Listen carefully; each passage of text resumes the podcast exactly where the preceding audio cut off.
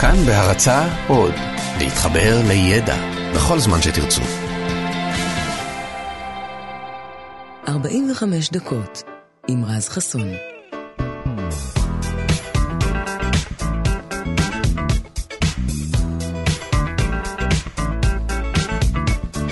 בוקר טוב לכם, שבוע טוב, כאן תרבות 104.9, 105.3 FM וגם באפליקציה שלנו כאן אודי. יום ראשון בשבוע אנחנו עם מהדורת 45 דקות אה, לפתיחת השבוע הזה. גם הבוקר יש לנו המון מוזיקה מעולה וגם אה, כל מיני דברים מעניינים שיעניינו לכם את הבוקר בתקווה. נתחיל מזה שאני כבר לא בחור כזה צעיר. אני יליד שנות ה-80, מה שאומר שאני מספיק זקן כדי לזכור איך היה כאן בתקופה שקדמה למזגנים. אז בחורף השתמשנו בתנורים, ובקיץ השתמשנו במאווררים.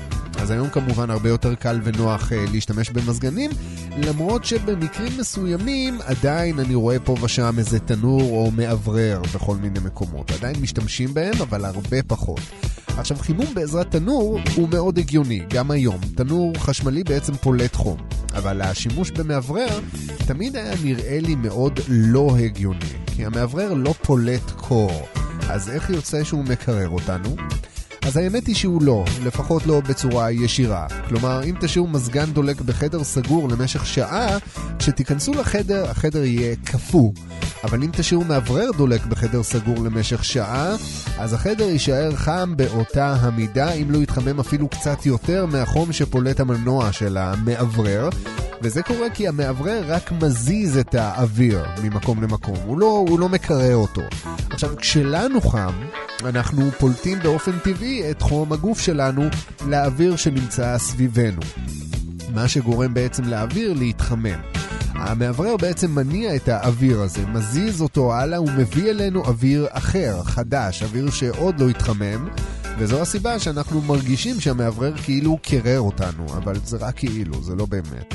גם הזיעה משמשת לקירור טבעי, את זה אנחנו כבר יודעים. הגוף בעצם מעביר את אנרגיית החום שלנו לזיעה, שמתאדה ומפיגה איתה גם את החום הזה, וככל שאנחנו מזיעים יותר, ככה בעצם אנחנו מתקררים יותר. אבל מה שעוזר לזיעה להתאדות זה בעיקר רוח, וזו הסיבה לתחושה הזאת שמאוורר כאילו מקרר אותנו כשאנחנו מזיעים. הרי אין דבר יותר מענג אחרי שהאזנו בחוץ, להיכנס פנימה ולעמוד מול מאוורר. מול מזגן זה לא חוכמה, אבל גם מאוורר במקרה הזה עושה את העבודה. אז בקיצור, אם אחרי כל זה אתם שואלים מה השורה התחתונה פה, השורה, השורה התחתונה היא שעדיף עדיין שיהיה לכם מזגן בבית.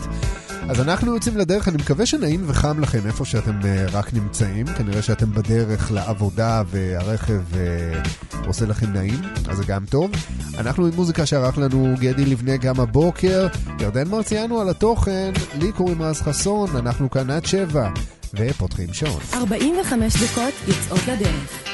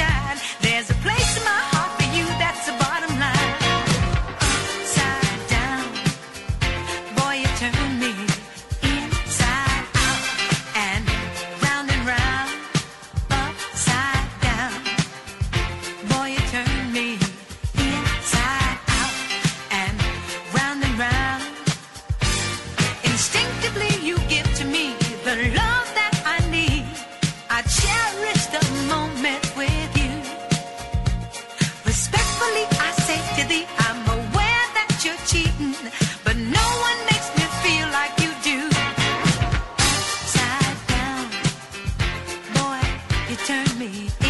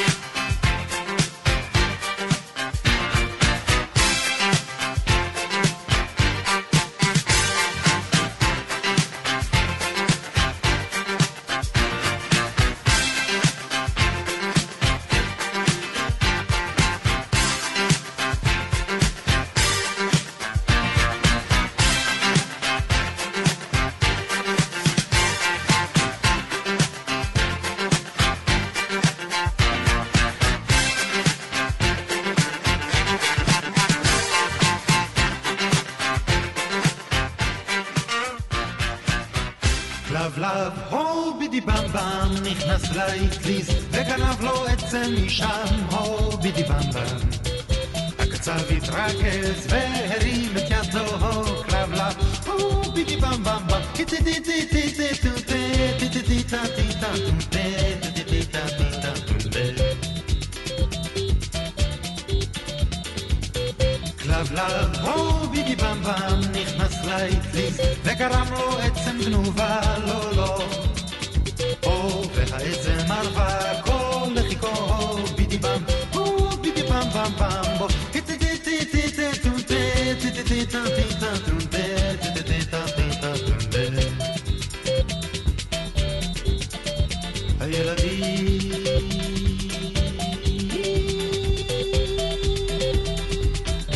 שיערבו בדרכם על ידו, ראו רק את קצה זנבו של קלבו. פיני במבם! קלבו. הטטיטיטיטיטוטה, הטטיטיטיטיטוטה, הטטיטיטיטיטוטה.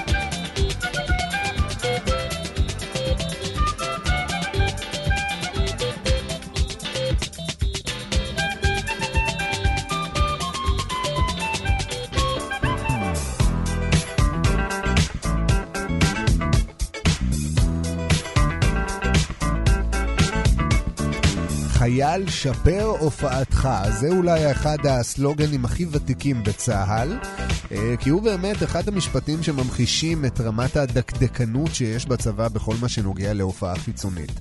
אז כמובן שכמו כל דבר אחר בצבא, לא מדובר בהצעה, כן? מדובר בהוראה, בפקודה. ואחת הפקודות הכי מוקפדות כחלק מההופעה הכללית היא פקודת הגילוח. הרי כל חייל בשירות סדיר מוכרח להיות מגולח תמיד, אלא אם כן יש לו אישור מיוחד לגדל זקן, אם הוא יתארגן על אחד כזה. עכשיו, הפקודה הזו על גילוח הרגיזה לא מעט חיילים לאורך השנים, כנראה שהיא גם תמשיך להרגיז בעתיד אה, לא מעט חיילים, כי רוב הסיכויים שהיא לא תשתנה.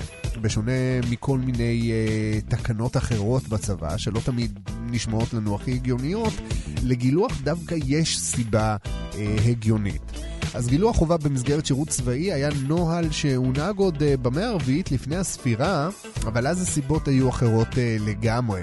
אלכסנדר מוקדון חייב את כל הלוחמים שלו להתגלח, אבל מה שהכתיב את ההנחיה הזאת היה טקטיקת הלחימה. אנחנו מדברים על תקופה שבה כל הקרבות התנהלו פנים אל פנים, והחשש היה שאם יש לך זקן על הפנים, אז חיילי האויב יכולים לאחוז בו במהלך הקרב, ואז לתקוע בך חרב, נניח. הוויקינגים לעומת זאת ראו בגילוח אה, דווקא חיסרון.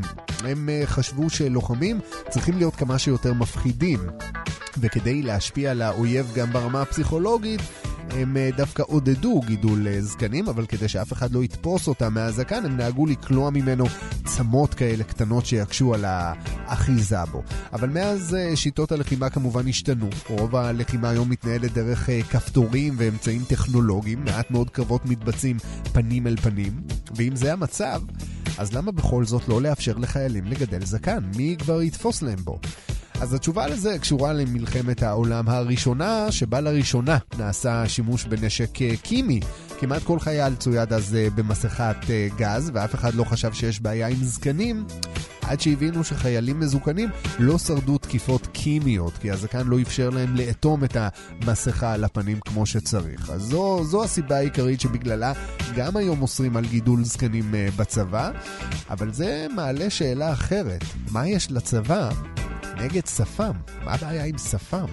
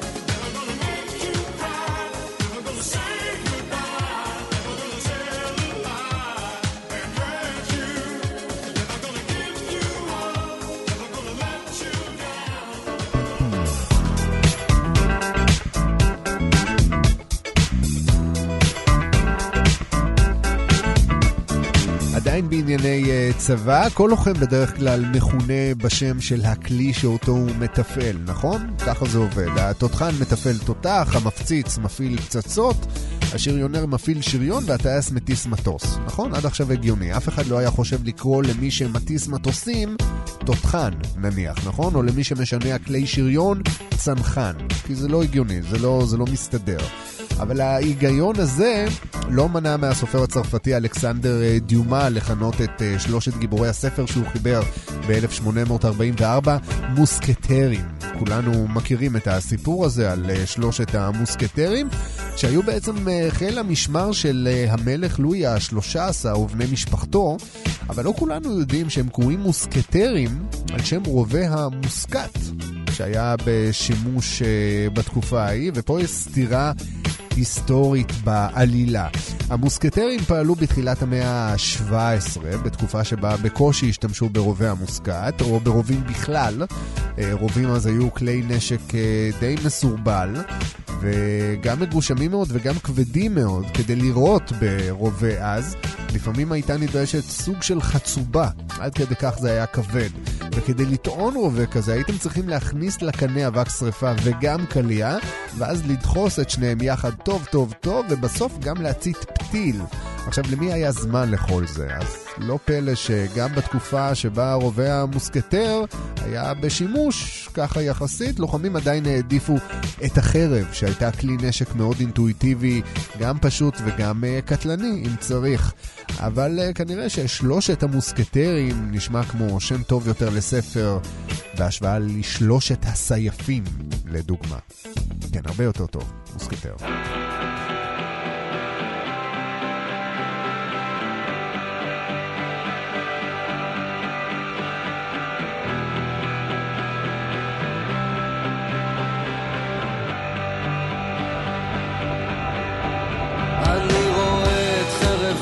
דמוקלס מעל ראשך עכשיו. הם מנסים טיפול חדש כדי להציל את המצב. כימותרפיה מחסלת טוב ורע בלי להבדיל. ולרפא אותך צריך, אז הם הורגים כדי להציל.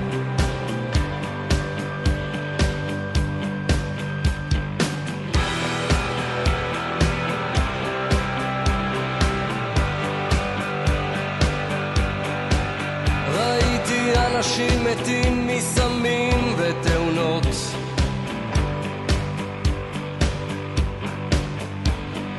אוטובוס פגע אתמול בילד ברחוב. אבל לראות איך חלקים ממך מתים זה כמו עינוי. והם הורגים כדי להציל כשחרב דמוקלס מעל ראשך תלוי.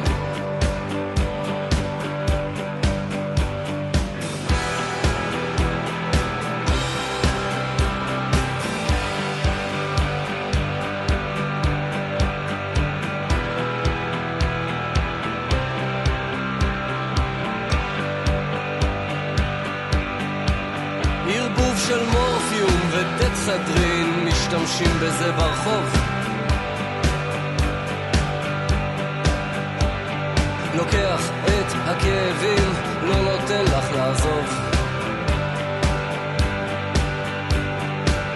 למשחק הניחושים הזה יש כללים משלו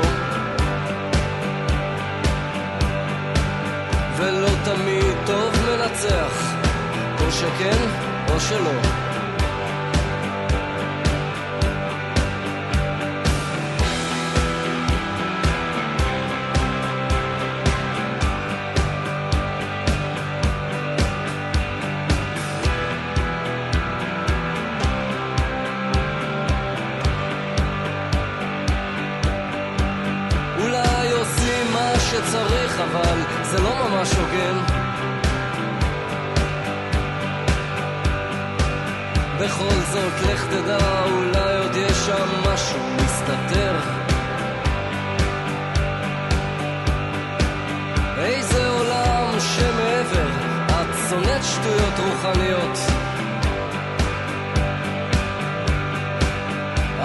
את חרב דמוקלס מעל ראשך, גם זאת צורה לראות.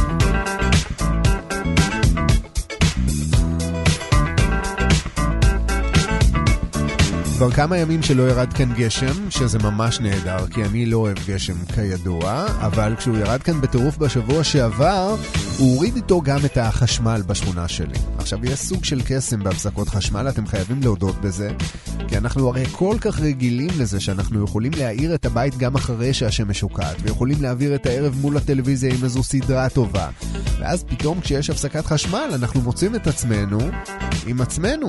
מה שמשאיר לנו מעט מאוד אפשרויות, כשהאפשרות הכי קורצת היא פשוט ללכת לישון, גם אם השעה רק שבע בערב. ואני אומר רק שבע בערב כי היום זו שעה שנחשבת לשעת שינה מאוד מוקדמת, אבל פעם, פעם אני מתכוון לתקופה שלפני המצאת התאורה המלאכותית, כן? זה מה שאנשים היו עושים. כשהשמש הייתה שוקעת בעצם, לא הייתה סיבה להישאר ער, כי גם לא היה יותר מדי מה לעשות.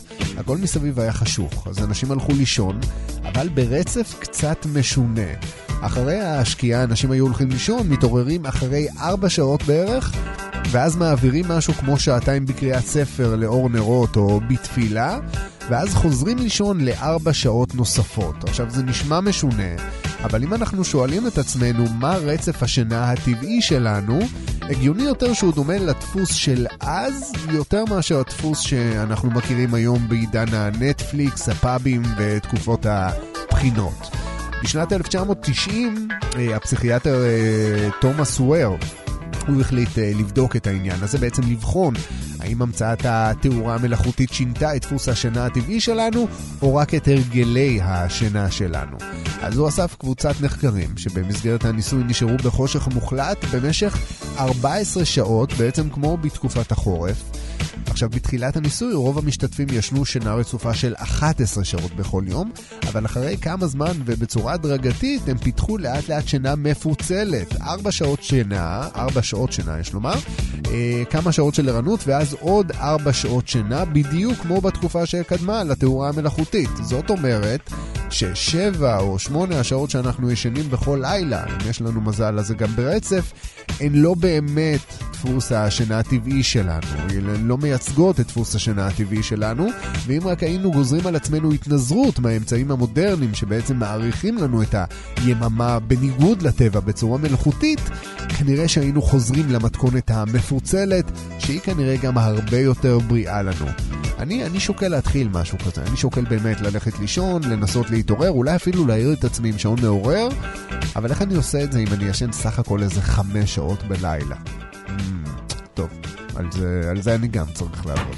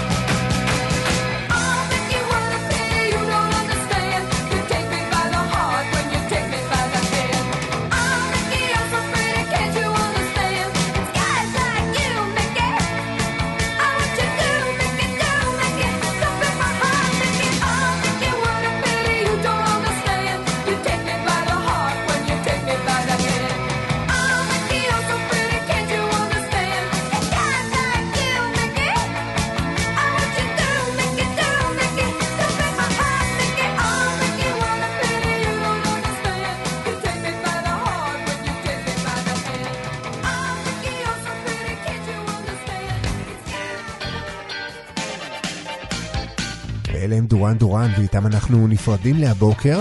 אז תודה רבה לכם שהייתם איתי כאן ב-45 הדקות האחרונות, מקווה שהיה לכם מעניין. תודה רבה גם לירדן מרציאנו וגם לגדי לבנה.